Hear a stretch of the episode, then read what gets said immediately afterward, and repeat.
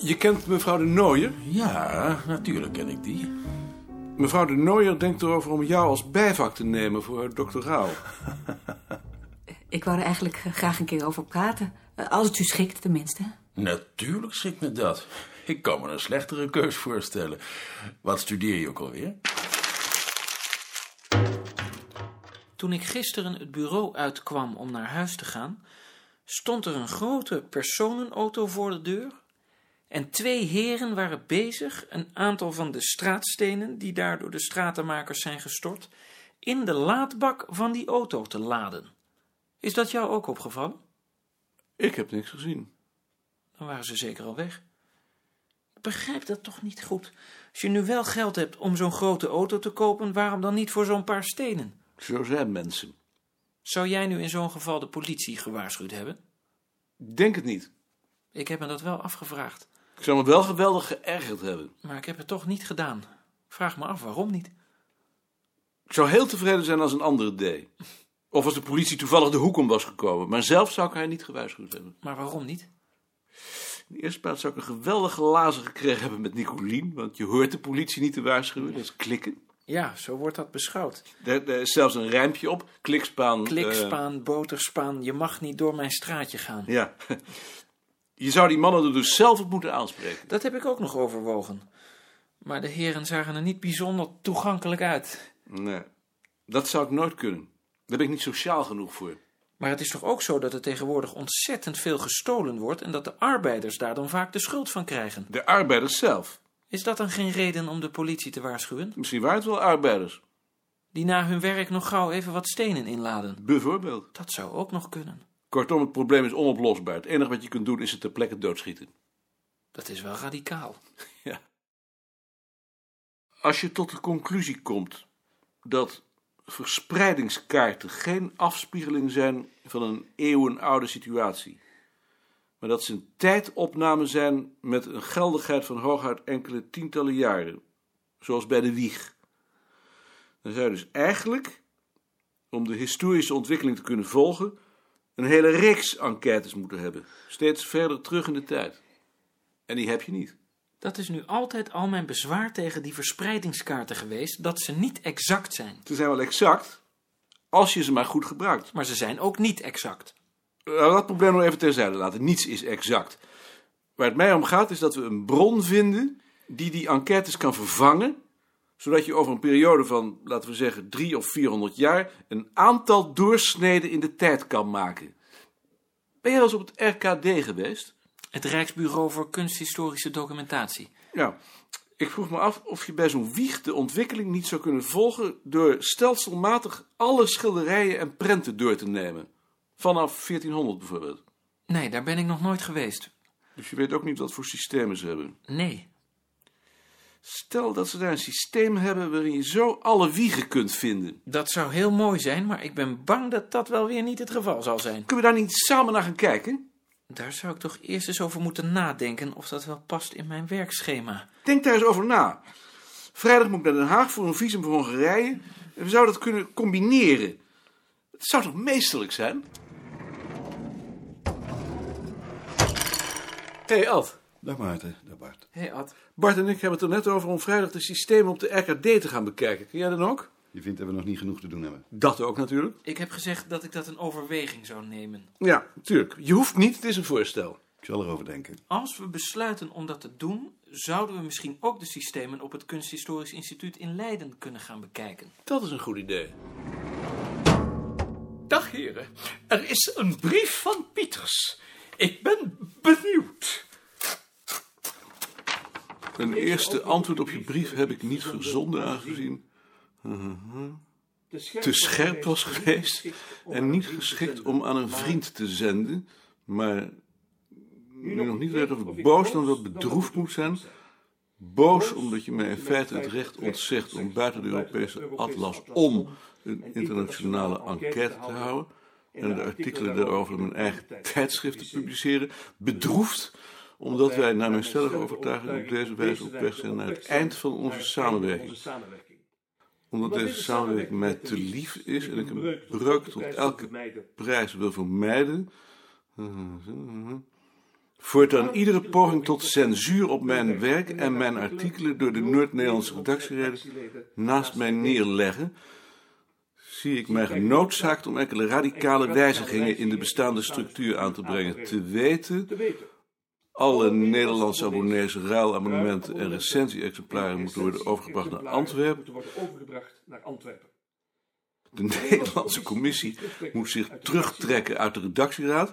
De redactieraad wordt voortaan samengesteld uit vertegenwoordigers van de verschillende regio's in Nederland en Vlaanderen en van de stamverwante volksgroepen daarbuiten. En de redacteuren worden benoemd uit de leden van deze redactieraad met recht van veto van de uitgever.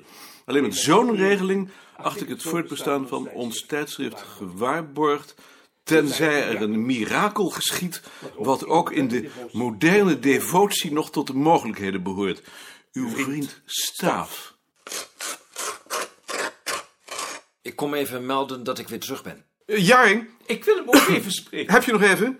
Jaring, ik heb Balk gevraagd of Halbe één dag mocht werken in de veronderstelling dat jij daar geen bezwaar tegen zou hebben. Nee, daar heb ik geen bezwaar tegen.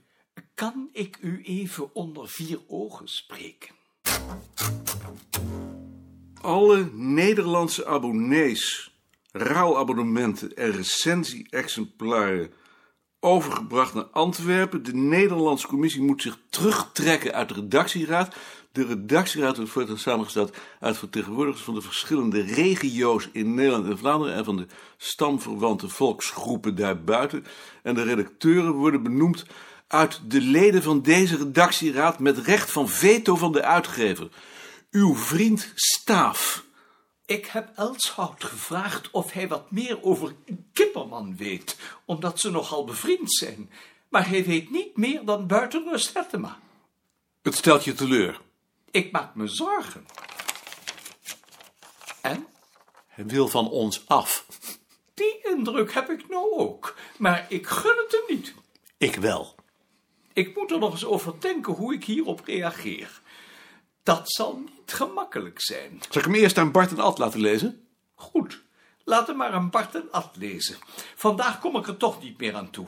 Het lijkt me trouwens beter dat hij een paar dagen blijft liggen.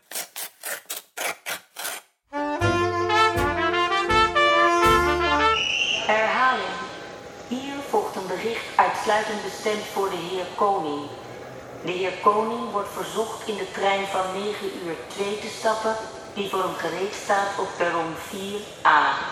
De heer Muller zal zich in Haarlem bij hem voegen. Is Ad er niet? Ad komt er in Haarlem in. Oh, dat wist ik niet. Maar dat kan natuurlijk ook. Ik wist het ook niet, maar het werd omgeroepen door de stationsluidspreker. Dat moet een mooi ogenblik geweest zijn. Ik was bijna te laat, want de tram had enige vertraging. Ik maakte me al zorgen. Dat zal wel.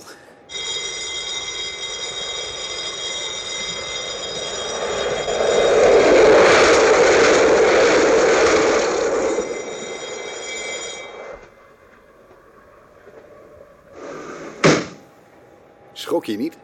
Als iets onverwacht gebeurt, schrik ik niet. Daarvoor reageer ik te langzaam. Jij hebt ook altijd je praatje klaar, hè? Dat is mijn kracht. Ik ben koning. Ik heb een afspraak met mevrouw Bruining. Juffrouw Bruining? Ik weet niet of die er is, maar ik zal even voor u kijken. Zullen Ad en ik maar niet eens een kijkje gaan nemen bij de systemen? Ja, dan kom ik jullie daar straks wel halen. Had u een afspraak? Ik heb eh, gisteren opgebeld. Maar hebt u toen juffrouw Bruining zelf gesproken?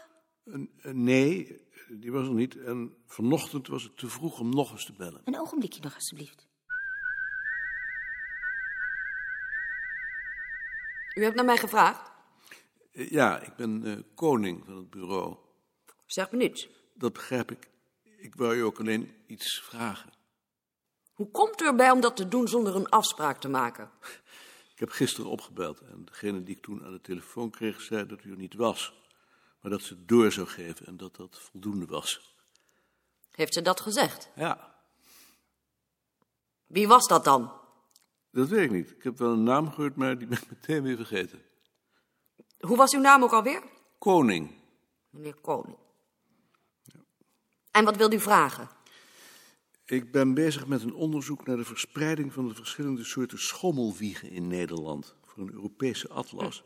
Er zijn in ons land twee soorten schommelwiegen geweest: een dwarsschommelende en een die in de lengte schommelde. De dwarsschommelende was aan het eind van de vorige eeuw algemeen. De langschommelende vond je zo'n beetje overal, maar zeldzaam. Ik zoek nu naar een bron die me kan vertellen hoe dat daarvoor was, voor 1880 ongeveer. En ik vroeg me af of ik daarvoor schilderijen en prenten kan gebruiken. Verschrikkelijk aardig onderwerp. Ja, aardig onderwerp. Er er zijn natuurlijk schilderijen en prenten met wiegen erop. Ik kan u zo een aantal noemen, maar hoe vindt u die? U hebt geen systeem met het trefwoord wieg? Bent u al bij Bouvry in Leiden geweest? Daar hebben we vanmiddag een afspraak mee. Maar die zal u ook niet kunnen helpen. Wat u vraagt is heel interessant, maar jammer genoeg zijn wij op zulke vragen niet ingespeeld. Heel jammer.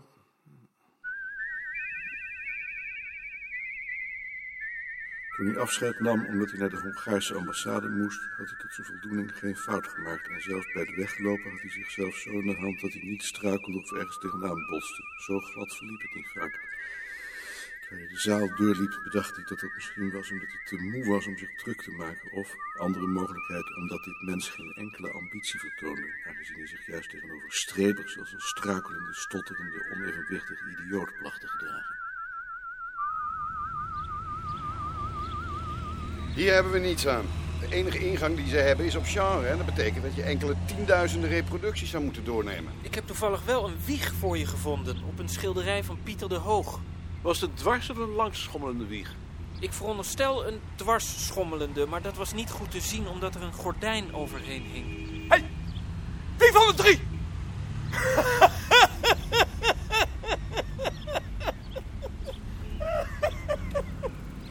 Ik wou dat God me de kracht gegeven had om zo'n jongen met één klap tegen de grond te slaan. Maar dat heeft hij niet. Er zijn technieken voor. Dan zou ik het geloof ik toch weer zielig vinden als hij op de grond lag. Bovendien overkomt mij dit zo vaak. Ik kan me daar niet meer druk over maken. Dat voorkomt mij nooit. Wat doen ze dan? Ook wel echt slaan. Van de week nog. Ik stond voor een vitrine van Trouw op de Nieuwezijds Voorburgwal. En toen kreeg ik ineens een klap in mijn nek. En toen ik omkeek, een klap in mijn gezicht. Twee dikke jongens met bierbuiken die een grapje wilden maken. Oh ja? Word je daar dan niet razend om? Ik heb ze gevraagd eens hier te komen, maar ze kwamen niet. Wat had je dan gedaan? Dan had ik er nog op gewezen dat zoiets niet te pas komt.